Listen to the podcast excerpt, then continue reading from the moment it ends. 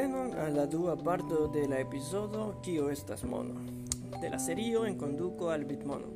Mi esperas que vi lernu novan perspektivon pri kiel mono, kiel dolaro aŭ euro funkcias. En ĉi tiu epizodo ni parolu pri tio kio estas tiel bona pri bitmono kompare kun fidomono kaj oro. Ni iru tra punkto post punkto sur la ŝlosilaj punktoj do ni jam tuŝis malabundecon do estas ben dudek unu milionoj da bitmono, sed ni nur denove ripetu kiel tio gravas. Dek naŭ milionoj kiu ekzistas hodiaŭ, nu, nur iam estos dudek unu milionoj da bitmono minitaj, laŭ praktike fiksita horaro. Bitmono estas minitaj averaĝe ĉiun dek minutojn kaj ke proksimume ĉiujn kvar jarojn la indiczo de tiu emisio estas tranchita en duono. La resulto de tiu subtema proviso oraro resultillu resultigus totalan provison fine de la tago, tio estas nur mal pli ol dudek unu milionoi. Ni ne enirus la clarigo pri kiel la minado efektive funkcias, sed mi pensas que la sustanzo de la demando kiun vi demandas estas kial tio gravas. Mi pensas ke ni tuŝis ĝin, do mi ne tro elaboros, sed estas tiu ideo ke mono plenumas unu rolon kaj ĝi estas faciligi komercon. Ke komerco ebligas specialiĝon, specialiĝo ebligas pli kompleksan provizoĉenojn kaj pli kompleksan rimedojn de produktado porque ni povu akiri pli al altnivelan teknologion kaj ke la unuo parolo kiu en komerco aŭ la ideala rolo en, en kion mono liveras estas komuniki informojn kiu permesas al homoj kompreni la relativan valoron inter du aliaj varoj. La peranta bono existas nur porque ni faru ekonomian calculo, kaj la ideo de prezoj ne existus cum mono kai tiu dudek unu milionoi da provizoj kaj malabundexo de gi. estas tiel grava, char kun nulo procento indico de ŝanĝo gi comunicados pli bonajn informon. La alia fero rimarkinda tamen estas malabundexo de nove estas ambaŭ la oferto kaj postulo funkcio. Se ekzistas nur dudek unu milionoj de bitmono kai nur unu persono povis uzi tion, tio ne estas valora, kai gi ne estus malabunda. Do, gi estas fakte du aparte funkcioi. Homoi postulas pli bonon, char ili rekonas almena utiui, kiui taxas gin kritike. Dudek unu miliono estas pli malabundai, kai ke la fin fina indixo de shanjo estos pli malalta ol iu ain alia formo de mono, kai do tiu havas valoron en si men Sed tiam la postulo pri bitmono fakte faras ĝin pli kaj pli malabunda. Do se unu persono havis bitmonon kaj estis dudek unu miliono da ĝi, tio ne estas malabunda, ĉar homoj postulas ĝin, ĉar ĝi estas malabunda. Sed tiam, ĉar pli kaj pli da homoj postulas ĝin, fakte, kiel funkcio de tiu postulo, ĝi fariĝas tiom pli malabunda, dum ni atingas critican mason de homoj, kiuj uzas ĝin, finfine ĉiuj tiuj homoj fariĝis komercaj partneroj, kaj ni forigas la peranto, kiu konvertas dolar dolarojn por bitmono. Tiam finfine ni ĉiuj nur transdonas ĉiujn niajn proprajn varojn kaj servojn por bitmono. Rekte, kaj ni povas fari tion kun la plej malgranda kvanto da bruo, ĉar ĝi havas fin havan provizon. Pri la aliaj propraĵoj oni parolis pri fortikexo Tio estas iun evidenta, tial oro estas tiel sukcesa, char gi estis tiel fortika dun aliai metaloi povas rompi au li povas rusti. Do oro estas tre daura kaj evidente bigmono estas tre daura do tio estas ion evidenta. Pri fortikexo, char mi pensas ke gi estas io por kio ni ancora usolvas, sed gi ancao estas io kiu evoluis nature kaj kien homo ne rimarkis ke ilia bigmono estas valora. Esence fortiquexo en la ideo de bigmono estas ke se, ni, ke se teni bigmonon kaj sekurigi bigmonon estis tro malfacila por homo ke se homoj perdu sian bigmonon maldextre kai dextre kai ke se Ni ne identigis kai ni ne daure identigas maniero por homo pli fidindi, fidinde securigi ilian bigmonon en maniero ke gi au ne estas permanente perdita au almeno regebla por homo i por usi tia en tio estas ia unu el la ideo kiu mi pensas pri fortikeco.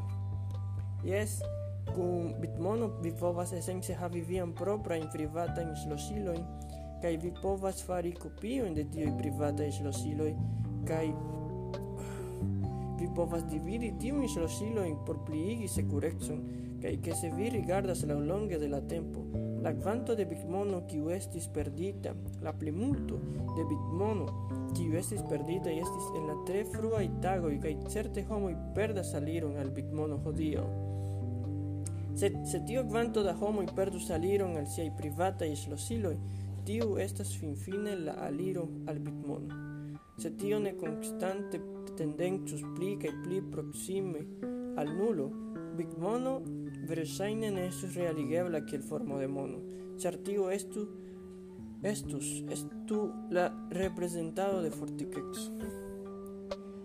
Ĉar bitmono pliiĝas en valoro, ni fakte estas est, Ni fakte estas nature inclinaj kaj nature gravitas al bone. Ni irus eltrovi la plej bonan manieron stoki. Sed nur finfine derivante pli kaj pli bonan manieron sekurigi bigmonon sistemojn por ke ili ne perdiĝu. Jen kiel mi pensus pri fortikeco. Koncerne fungeblon, ĉi tio estas varma temo en de bigmono. Pensante pri la ideo de fungeblo, ĉar fungeblo kaj divideblo estas finfine, kvankam ili ne estas unuopa koncepto, ili estas rilataj. Do, kiam mi pensas pri fungeblo kiel io, kiu estas unuforma, tia ke si mi havas domon kaj mi volis tranĉi ĝin en duono, ĉar vi volis doni al mi ion, kiu valoris duonon de la valoro de mia domo, nu duono de mia domo povas esti multe pli valora kaj havi pli valoraĵon en ĝi la alia duono de la domo do la unu formexo de iu general estas alia termino.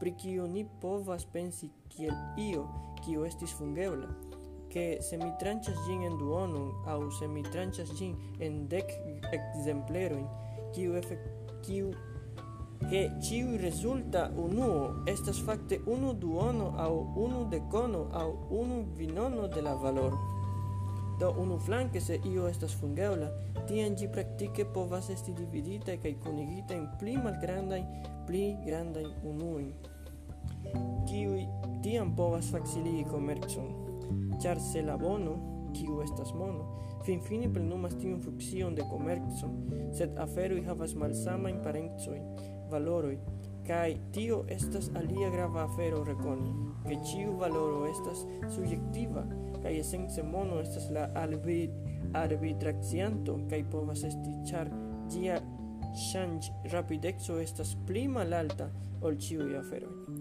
Ke porque iu estu mono, Ti devas plenumi tiun funkcion de reconante, que la problemo de claro en la unua loco estas, nu, Se mi bezonas ĉi tiun aferon por faciligi komercon, certe mi taksas malsamajn aferojn pli ol malpli. Tiu kerna funkcio de povi dividi kaj kunigi aferojn estas grava en la funkcio de mono, mezurebla plibonigo super oro, ke la bitmono estas pli imuna al censuro ol oro estis. Oro estis susceptible al centralizo por securexo kaj kiel resulto la dolar sistemo tien aperis. E bitmono char gi estas multe pli malcentralizita ol oro kaj alia afero rimarkinda estas ke bitmono fariĝas pli malcentralizita kun la tempo char gi havas fiksan provizo kaj gi nur fariĝos pli malcentralizita. La resulto de tio estas que Bitmono malcentralizas dum pli da homoj tenas ĝin. Estas ĉiam malpliiĝanta parto. Kun la averaĝa individuo tenas kiun la veraja individuo tenas de big mono tiu sama funcio havi la reton kaj la propieton de la reto esti pli distribuita kaj havi tiu monero se vi pensis pri tio kiel estas dudek unu milionoj da bitmonoj, se estas dudek unu milionoj da homo ja veraje tiuj homo povas havi unu bitmonon. Se estus 320 milionoj da homoj en Usono, la averaĝa persono povas havi nur nulo punkto nulo vin bitmonoj. Se vi prenas tion ĝis miliardo, sed la personigo de tio estas, ke ju pli distribuita bigmono farillas, des pli resistas al censuro gi estas kaj vere je reto nivelo kien mi sendas bitmonon kaj kien vi sendas bitmonon kai ĉi tio eniras fungeblo, ke la reto taxas bitmonon, tran contra o comuna aro de reguloj. Bitmono adresoj povas havi malsamajn nombrojn, nombroi se mi mi povas sendi bitmono al vi kai e la reto nivelo la reto rigardas tion au kiel unu au nul gi au validas au ne tial mi pensas pri fungeblo La alia maniero pensi pri fungeblo estas la dolaro. Big mono estas almena minimume same fungebla que la dolaro. Estas iu dolaro ene de la banca sistemo kaj tian estas dolaro kiu estas en la nigra mercato exter la banca sistemo. qui un homo lavas enin. Nun tio estas formo de censuro, qui un la usona banksistemo aplikas al certa y contra kontraŭleĝaj agadoj. Se mi estas drogkomercisto kai mi volas repreni miajn cent milionojn da kontantmono, kiun mi vendis por drogoi, reen en la banksistemo, mi devus trovi iun kiu pretas lavi tio in dolaro kai tio in cent miliono in da dolaro fakte versaine valoras ok tek miliono in da dolaro kai mi devas pagi al iu dudek miliono in da dolaro por preni la riskon lavi tio in reen Do tio estas la forma de censuro kiu venas en la dolor dolar mondo. Sed fine de la tago la fungablo estas ke unu bigmono egalas al unu bigmono kaj ke reto nivelo. Mi povas sendi ĝin trans kaj la reto validigos ĝin se ĝi kongruas kun aro de reguloj. Tiam la etendo de tiu fungeblexo estas ĉar bigmono estas fungebla ĝi estas. Kai citio estas alia posedaĵo de mono. La divideblo aŭ la kapablo dividi estas ĉar bitmono estas fungebla kaj ĉar bitmono estas dignita por esti dividita en cent milionojn da unuoj, do ĝis ok decimalaj lokoj. Estas fiksita proviso, kiu estas dudek unu milionoj, sed mi povas subdividi ĉiun unuon de bitmono. Ĝis nulo punkto nulo nulo nulo nulo nulo nulo nulo unu Do ĉiuj tiuj en tutte faras Bigmono tia valora ca ideala por nia mono, char gi estas io kiu estas finia, malabunda. Gi estas io daura en la senso ke ni ciam pli trovas pli ca pli bonajn manieron sekurigi Bigmonon. gi estas fungebla, char ĉe la retonivelo gi estas au unu au nulo. Gi au estas valida bigmono kiu antaŭe ne estis elspezita kaj ĝi estiĝis el valida bigmono-bloko aŭ ĝi ne estis. Tian teknologie, ĉar ĝi estas tiel dividebla kaj ĉar pli kaj pli da homoj adoptas bigmonon, tiu bigmono povas simple esti dividita en pli kaj pli da unuoj, pli kaj pli malgrandaj kvantoj po unuo kai la fina rezulto de tiu funkcio, char gi funkci char gi cio funkcias kune, Bigmono illas pli malcentralizita kai gi efektive farillas pli resistema al censuro. gi estas pli bona ol oro kiel rezulto. Do Bigmono estas pli bona formo de mono ol oro kai fido mono La maniero kiel mi rigardas tiun problemon estas, oro ne aperis kiel mono pro sia fizikeco. Ĝi aperis pro ĉiuj tiuj aliaj ecos, ecoj, malabundeco, la kapablo translokigi ĝin, la fortikeco, la divideblo. Kvankam estis limigoj enexaj en ĉiuj tiuj, ĝi ne estis ĝia fizikeco. Y Gjestistiu kolektiva reprezentado de ĉiuj tiuj transcendaj ecoj kaj kiam oni nur rigardas la temon en la valoro de ĉiu posedaĵo kaj oni komencas taksi ilin kaj diru nur ignoru ke oro estas fizika kaj ke bitmono ne estas kaj lasu min priskribi al vi ĉiujn ĉi tiujn trajtojn kiuj estas la plej bona formo de mono. Kaj homoj diros bitmono ne exciante che gi estas bigmono au ormo. Mi pensas che unu el la fruai retmesagioi de Satoshi Nakamoto, char li ja referenzas citiu ideon, li parolas pri mi ne povas citi gin specife, se imagu, che estas baza metalo, cae che gi ne estis brila, gi ne estis precipe forta, sed gi ancau ne estis malforta, sed ke gi havis unu magian posedaĵon, kai que vi povus teletransporti gin per comunica canalo. Do, estis vere la finfina designo, ciu kiel mi cerpas ciu in traitoin, kiuj effective igis oron valora formo de mono, kai la plei efika formo de mono kiu iam existis.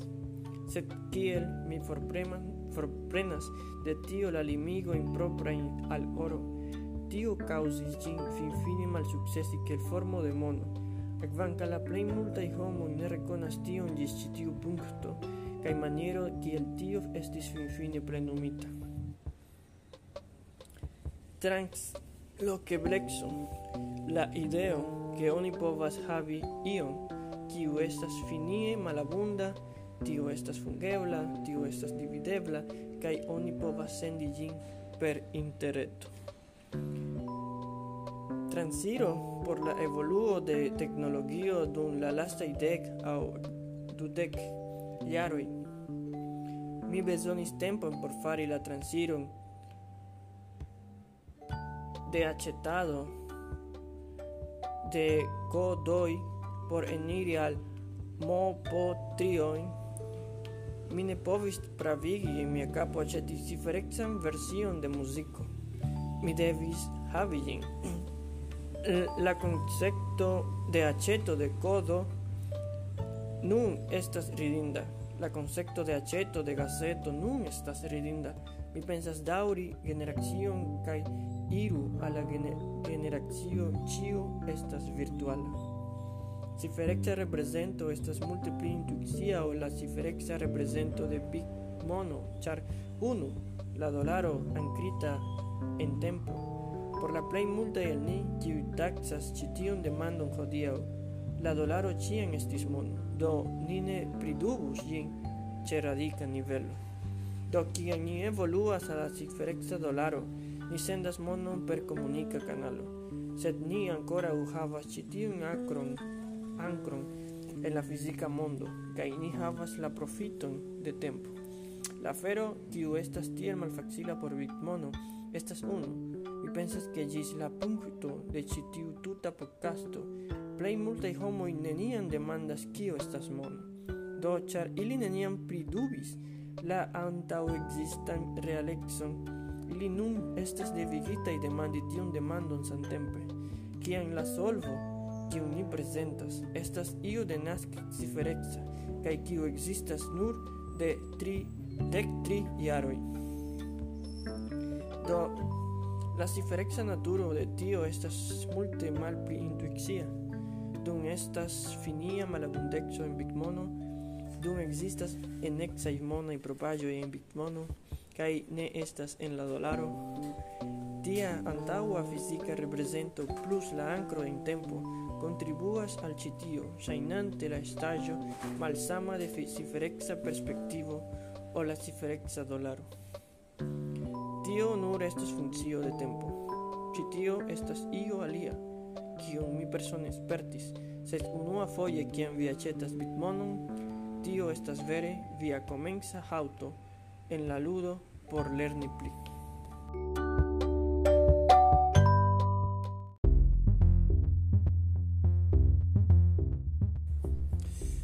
Vi ne povas compreni Bigmonon gis vi acetis gin prescao lau difine. Sed kiam mi retroigardas, gi estas kiam ni parolas pri la nombro dudec unu milionoi, gi ne estis tio estonta momento en la tempo che estos nur dudec unu milionoi, gi estas che ciu unuopa dec minutoin. Bitcoin bloco estas solvita average, au probable, cae che pos ciam vi havas bitmonon, vi comenzas malsupreniri tiun cuniclotruon, cae ciam la tempo pasas, vi define lernas pli de tiu momento. Ĝi fariĝas pli kaj pli kaj pli intuicia, kaj vi vidas la monpolitikon kaj la fakton, ke estas fiksa provizo. Ne devi fidi je du mil cent kvardek, kiam ni ĉiuj estos mortaj kaj for. Sed estas ke ni povas vidi, ke tiu proceso funkcias kaj la monpolitiko malmoliĝas ĉiun dek minutojn, kaj tiam ĉi estas uno el aferoj pri la duoniĝo de bitmono. Ne nur la indico de proviso estas tranĉita en duono, estas ke ni ĉiuj povas sperti tion, kio okazas sen ia centra kunordigo. Do ĝi estas pli grava bloco pro tio, se ĝi plifortigas la kredin credindecon de la finfina nombro kaj tiam la pli fortigo de tiu credinteco de la monitora politiko efektive malmoligas la comprenon de homoj pri ĝi. Bitmono fariĝas pli intuicia, la malabundeco de ĝi fariĝas pli fidinda, che gi tiam farillas pli malabunda che il resulto de tio kiam postulo pli illas. Do, mi pensas che la funzio de tempo kai la e che vi ne povas compreni gin, gis vi effettive spertis gin, kaj vidis gin funkcii che nun kiam vi rigardas vian telefonon che la mono estas tie kaj cian estas tie kaj se vi securigas gin giuste, gi estos tie kaj che con la tempo la sekva tavolo malsupren ne por ĉi tiu konversacio, sed ĝi estas kiel kiel la dudek unu milionoj efektive funkcias post do post kiam vi preterpasas la unuan principon de mono imagu ke ĝi havis dudek unu milionojn kaj ke tio estis fiksita kaj tio estis bona kaj tio estis fidinda kaj ĉu ĉi tio estus bona formo de mono la plimulto de homoj mi esperas ke pli kaj pli da homoj mi plene atendas tion Nu, la plej multaj homoj neniam faris ĉi tion demandon. Mi persone neniam faris ĉi tion demandon. Estis ĉar ĝi neniam estis instruita al mi, kaj mi pensas ke dum ni moviĝas tra la estonteco, ke ĝi fariĝos pli norma parto de la edukado de individuo ekde tre juna aĝo de kial io estas mono. Kio okazis en la freneza periodo inter 1971 kaj 2009 kaj ke la fina rezulto de tio estas homoj havantaj multe pli bonan ekkomprenon de tre frua stadio en tiu homo homoj ne bezonas kompreni komputikon aŭ la teknikan bazon de Bigmono por Bigmono. La vojo de nulo al uno atingi tie estas que homoj convergios al la bono, kiu estas pli fidinde, malabunda, kaj kiu povas pli funkcie plenumi kaj pli efike plenumi la funkcion de interŝanĝo. Do homoj ne bezonas koni la komputilon, komputikon, por ci kiuj estas pli bonaj. A aŭ B. Venezuela Bolivaro aŭ la fero, kiu daure altillas en valor. Ciu alia sub la capucho de nove au por certigi la daure dauri de blexon kaj sekurecon longtempe, certe estas pli bone, ke homoj sciu ĝin. Sep naŭdek naŭ procento de homoj ne scias kiel funkcias la dolaro, kaj naŭdek naŭ procento de homoj ne scios kiel bitmono funkcias. Sed ĝi nur funkcias pli bone ol la sekva formo de mono. Tio estas tre bona loko por fini, do espereble homoj aŭskultos ĉi tion kaj ili venos aĉeti sian unuan bitmonon. La vera eureka momento ne nur estas la nua fojo, tien vi aĉetas ĝin, sed la unuan fojon efektive translokigis ĝin kaj iu klarigis al vi. Oni diras, ekzistis neniu meza viro iganta tion okazi por vi estis neniu, kiu povus haltigi tiun. Do, dankon por apogi la podcaston, cara geauscultantoj, geauscultantoj, mi estas Daniel el Venezuelo, ĝis la venonta epizodo.